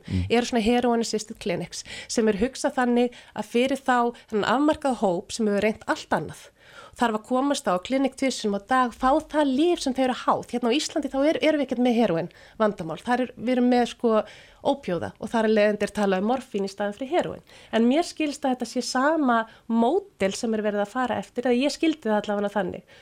Og ég veit til þess að þessi mótel sem að hafa verið erlendis, að þau hafa sínt gríðarlega mikinn árangur fyrir þann hóp í því að minka skaða. Þú veist, og þá eru við að nota, um, þá eru við að nota þessa veist, þá erum við að tala um hvernig við getum minka döðsföll, fækka döðsföllum, ofsköndunum og einhvern veginn ítt undir líkunat heilbreyði fólks. að því ég sé á svið Já. þáttastofnund að þátturinn er að vera búin Já, eða okkar já, tími já. að það er að enda Já, þetta á, á nótum að við getum öll vonandi verið sammála það þarf að setja meira í forvarnir og í meðverðarúrræði Mm. það er góð fjárfesting þó með séu bara uh, hugsa um peningan, ég tala mikið um áhrifin á, á líf og helsu fólks mér finnst óskiljanlegt að eftir hvert Íslandsmynd og eftir öðru í útgjaldaukningu ríkisins skuli þessu ekki hafa verið sinn þannig að við verðum að vona að það verði breyting þar á. Ljómandi, ég held við verðum að setja hérna aminu eftir efninu, bestu þakkir alls þú fyrir hérna ákala fróleitt samtal. Hér eftir ölsingarnar þá verður sem er Ólaður Sveinsson hann er uh, kvimdagjörðamæður, heimildagjörðamæður og við ætlum að fjalla um nýja mynd sem hann hefur gert um Káranhjúka Sælir átturistundur, það er, erum við komin hér svona á lokasprettin á sprengisendunum á þennan þessum sunnudeginum. Uh, sestur hérna hjá mér Ólaður Sveinsson uh, kvimdagjörðamæður og við ætlum að fjalla um nýja mynd sem hann hefur gert um, um, um Káranhjúkasvæðið Velkomin til mín Ólaður Takk. Við ætlum að tala um nýja heimildamind sem þú ert búin að gera um Káranhjúka og uh, hérna um, um þann heim sem að glataðist í raun og veru þar ef við getum orðað að þannig uh, og, en það sem var svona veku nú fyrst aðtegli það er, þetta, það er næstum 20 ár síðan þetta var helst í fréttum. Og hvað hva, hérna, hvað er ekkur til að byrta mynd um þetta þetta hérna fyrirbriði sem að, að löngu er einmitt horfið úr fréttum og, og þess aftur Sko, myndirnir eru tvær sem eru frumsýndar. Já, Það er ein uh, mynd, til að, undan, mynd sem er undan 20 minútur löng mhm, sem að er enn upp á ljósmyndum engangu uh, með uh, engu tali, ekkert som að einn bara ljósmyndir og tónlist eftir Kjartan Sveinsson mhm, og virka mjög vel.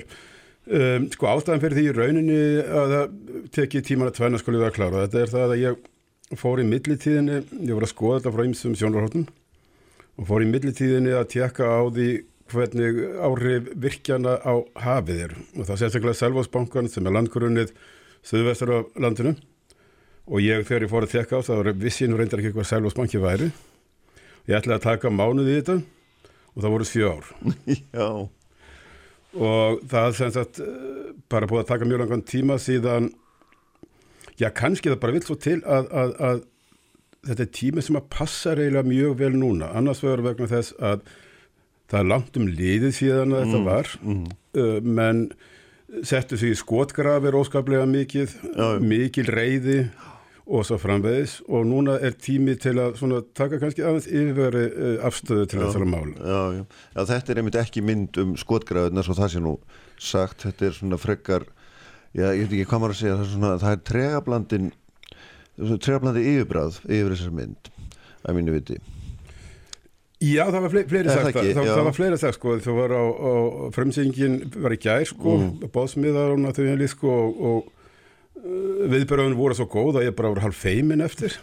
Og uh, það er alveg rétt sko, þetta var uh, samt ég múin að vinna til leðsögum aður í hér um bil 13-14 ár, búin að ferðast út um all land. Og, og þetta var sko að mínum dómi sennilega bara merkilegast og fallegasta svæði á Íslandi. Mm. Vegna þess að, að sko það var hvergi til neitt þessu líkt í rauninni. Það og það er nefnt að tala um svæði sem fer undir, undir lónir Nei, í rauninni, ekki, í rauninni ekki bara svæðið sem að fer undir lóni það er náttúrulega það sem að lónið fór undir mm. að þú skulle áttu að segja á því að það er 27 km langt. Já, en þetta er einfallega bara svæðið þú voru að taka í rauninni svæðið sem held það er að segja sem þú ert með snæfell þú vart með tvær ár sem að er hverfa meira og minna sem sagt og svo framvegis. Og einfallega bara þetta svæði þetta var sko þetta var bara ávið og fallegri heldur en eiginlega öll önnur svæði vegna þetta var þú ert upp í 600 metrar hæð. Og á, komin til 600 metrar hæð er bara hér um vel allstaðar annar staðar eðimörk og þarna ertu með sko eða varst með öllu heldur, alveg gríðilega mikið fugglalíf, reyndýr og svo framvegis, það er náttúrulega einhver litið til staðar ennþá en, en bara sam, samblandan sem var þarna af þessu svæði var al, algjörlega einstök. Mm. og það er alveg rétt sko, það er svona hvað skal segja, kannski svo tilfinning sem að var eftir að ég var búin að ganga þessa ferð sem sagt, að ég var annars að vera óskaplega fegin hafa að sé þetta. Mm. og um leið var ég óskaplega sorgmættur yfir því að börnin mín og konun mín myndi aldrei sjá þetta, þetta var bara farið. Já, og það er þarna þessi, þessi trey og þessi eftirsjá sem að svona sem er alltaf svona yfirbræðið sem að, að maður verði varfi og endur speikla svona mjög í, í þessari tregablöndinu tónlist sem að undistrekkur svona myndefnið sem að Skerstan Sveinsson gerði já, hljómbarsleikari Sigur Ósar, það er alveg rétt það er alveg rétt sko og uh, ég hins vegar passa mig á því að láta myndirna tala. Já, og það er ekki bara sem sagt sko afstæða þess sem er á móti heldur eru líka þarna yfirverkræðingurinn sem að var þá Jóhann heitin Krójar talaði við Smára Geirsson sem að var uh, sem sagt sá stjórnmálamaður sem barðist hvað lengst og mest fyrir því að það kæmi þarna stóriðja og annað því líkt þannig að, þannig að sjónarhornin beggja vegna eru sjónarhornin en síðan eru það kannski í raunum bara aðalega myndirnar í raun og veru sem, sem að kom, kemur þessi treyji yfir sem er alveg rétt hjá þér. Já, akkurat.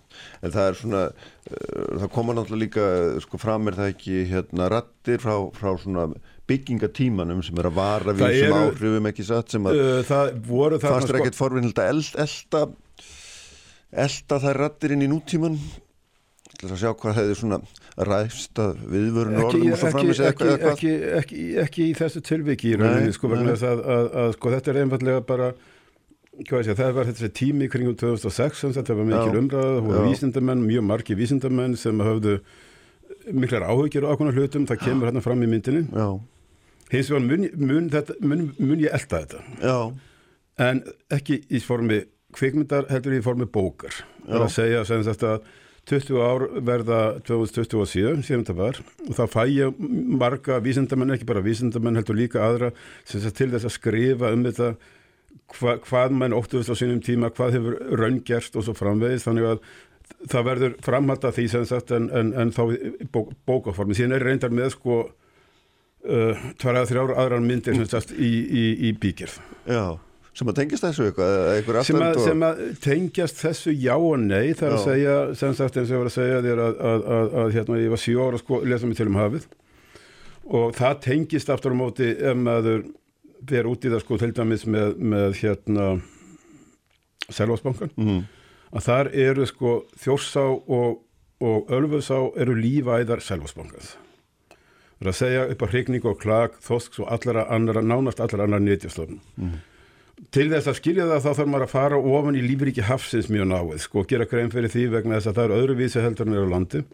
Annars vegar þá síðan náttúrulega sko það er það er ákveðnar lífvísbendingar um að átnar í þjórsá hafi haft þegar slæmi áhrif á þá stofni til að mynda.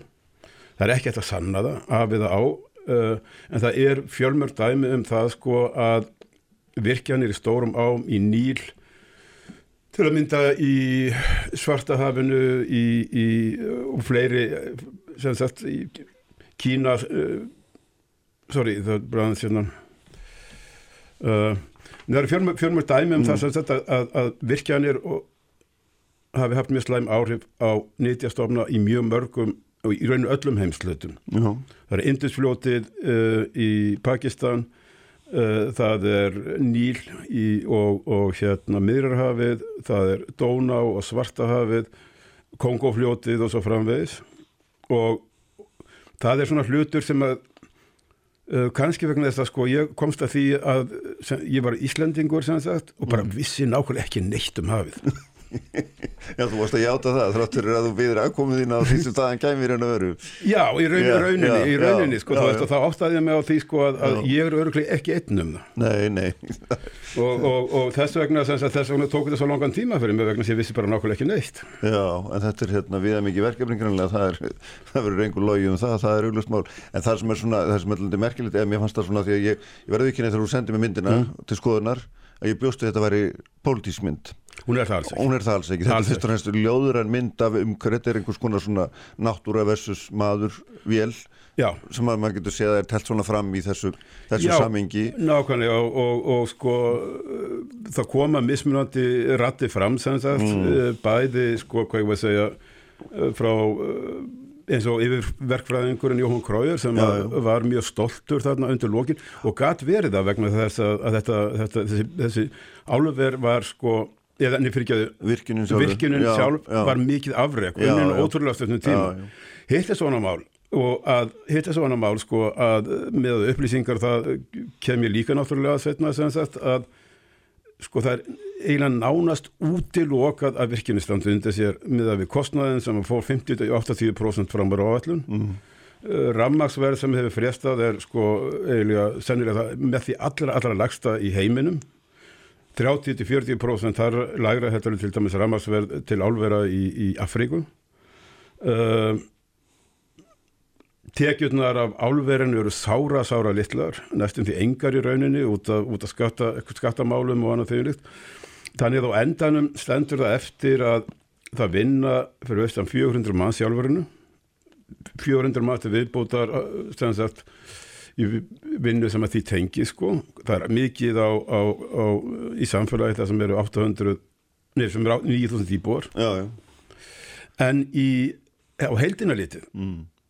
fyrir Ísland er það drópi í hafið og þá er það spurningin náttúrulega sem að kannski kannski kviknar og það er eitthvað sem að, sem að ég heldur henni áfram með sko, sem að kviknar var það þess virði að, að fórna þessu svæði og ég, ég hef ekkert svar við því skilur, ekkit, það er ekki þannig að ég predika þetta þannig, Nei. það eru hver og einna meter sem horfur á myndin Já, nákvæmlega. Það er einna, fer svo sem ekkit, það fer ekki fram hjá manni þegar þú ert með myndavélina og og þú og þitt fólk, hérna, að, þetta er, það er, það er óendarleg fegur á þessu svæði. þetta, það, þetta, var, þetta var óendanlega fegur á þessu svæði og, og sem sagt og þessi, þessi hérna mynd sem sagt það sem að kjartan gerði mm. tónlistina mm, uh, ég gerði hana, ég, þú veist ég vann hana ég veit ekki hvað var mikið, hvort það er 8.000 eða 10.000, 11.000 ljósmyndir sem ég safnaði saman veit ég ekki, það skiptur ekki höfum nei, já, en þar er sko með þeirri mynd og þessu, þessari hérna sko það sér maður jafnvel ennþá betur fegurinn og með þess að fara víðar og fjölbreytnina. Já. og það er, það er alveg rétt mikið trey eftir þessu svæði í mínum huga. En þeir eru svona langt úr liði og hérna, þetta er, það er mjög margt að tekið upp á virkjunatímanum, er það ekki satt? Og, og fyrir Jú. þann tíma og þetta fekk, er ég, ég, ég, fekk sko ég er það er ekkert myndefni nýrra í myndin er það heldur en, jú, jú, eða hvað? jú, jú, Já. jú, jú, jú, jú það er náttúrulega myndefni sem er nýra sko það, við fórum sem sagt eftir að lóni kom fór ég fjórum eða fimm sinnum að Já, já. eftir og talaði við Smára Geirsson líka Já, 2016 sem sagt þegar reynsla var komin á álverið og, Já. því, líkt, og nýjustu myndirnar sko frá lóninu eru frá 2021 þar að segja Já, þetta, er spannar, já. þetta spannar alveg þetta spannar sko hvað 15-16 ár já, það er langur meðgöngu tími á Það er- það er- það? Það er ansi, ansi langum með okkur tíma mynd, það er alveg horrið til þér en, en sko svona eftir á að hyggja er ég fegin að það, það var Mm. uh, annars vegar vegna þess að þetta verður til þess að maður sér í rauninni sko hv- hvernig landið lítur út sko vegna þess að, að, að í svona vassarpsvirkinum er það þannig og þú ætlar að reynsli allt árið og hálslón er söfnunarlón sem er nýtt á, á veturna, haustin og veturna þegar ekkert rennur sem sagt uh, vatn til þess að knýja virkinu áfram. Og það þýðir að sko lónið lækkar sko svona upp undir 50-60 metra sem sagt. Og eftir stendur þá eftir stendur þá svæði sem var mjög vel gróið og annað því líkt það myndast sko á sömrin eða vorin öllu heldur ef eitthvað hefur vind sko þá bara er mökkur yfir lóninu. Og uh, það var mjög mikilvægt í rauninu að fá það fram sko og kringilsárana sem að er vestur af vestur af lóninu sko þar eru rófabörð, alveg gríðarlega mikið rófabörð komin og eftir lónið sko og, og sagt, þar ennþá lengra vestur af mm -hmm. er örfókaland og miða við hvernig það lítur út núna sko þá er eiginlega fyrirsjánalegt að, að, að, að hérna það svæði sem að var verndarsvæði fyrir hindir sem sagt að það jarðvegurinn þar myndað öllum líkindu fjúka upp Já.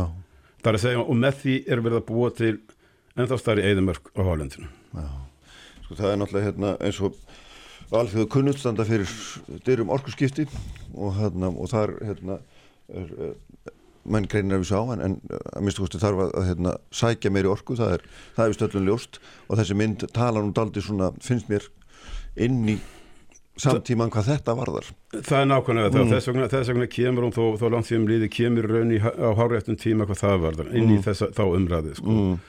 Orkurskipti, spurningin er þarf það endilega að virkja svo volið mikið meira? Góð spurning. Þú veist, það er, það er hægt að nýta orkuna betur. Það er einfallega hægt að loka einu alveri Já, já, akkurat, það er nú, það er nú ekki myndir að nota orðið einfallega um það, það er ekki. Nei, en, en, en, en uh, það er einhvað síður möguleiki sko og, já, já. og, og sem sagt sko það sem verður að tala núna sko sem að mér finnst að vera bara hrein og klá geggjum sko að því að býði í Berlin mm.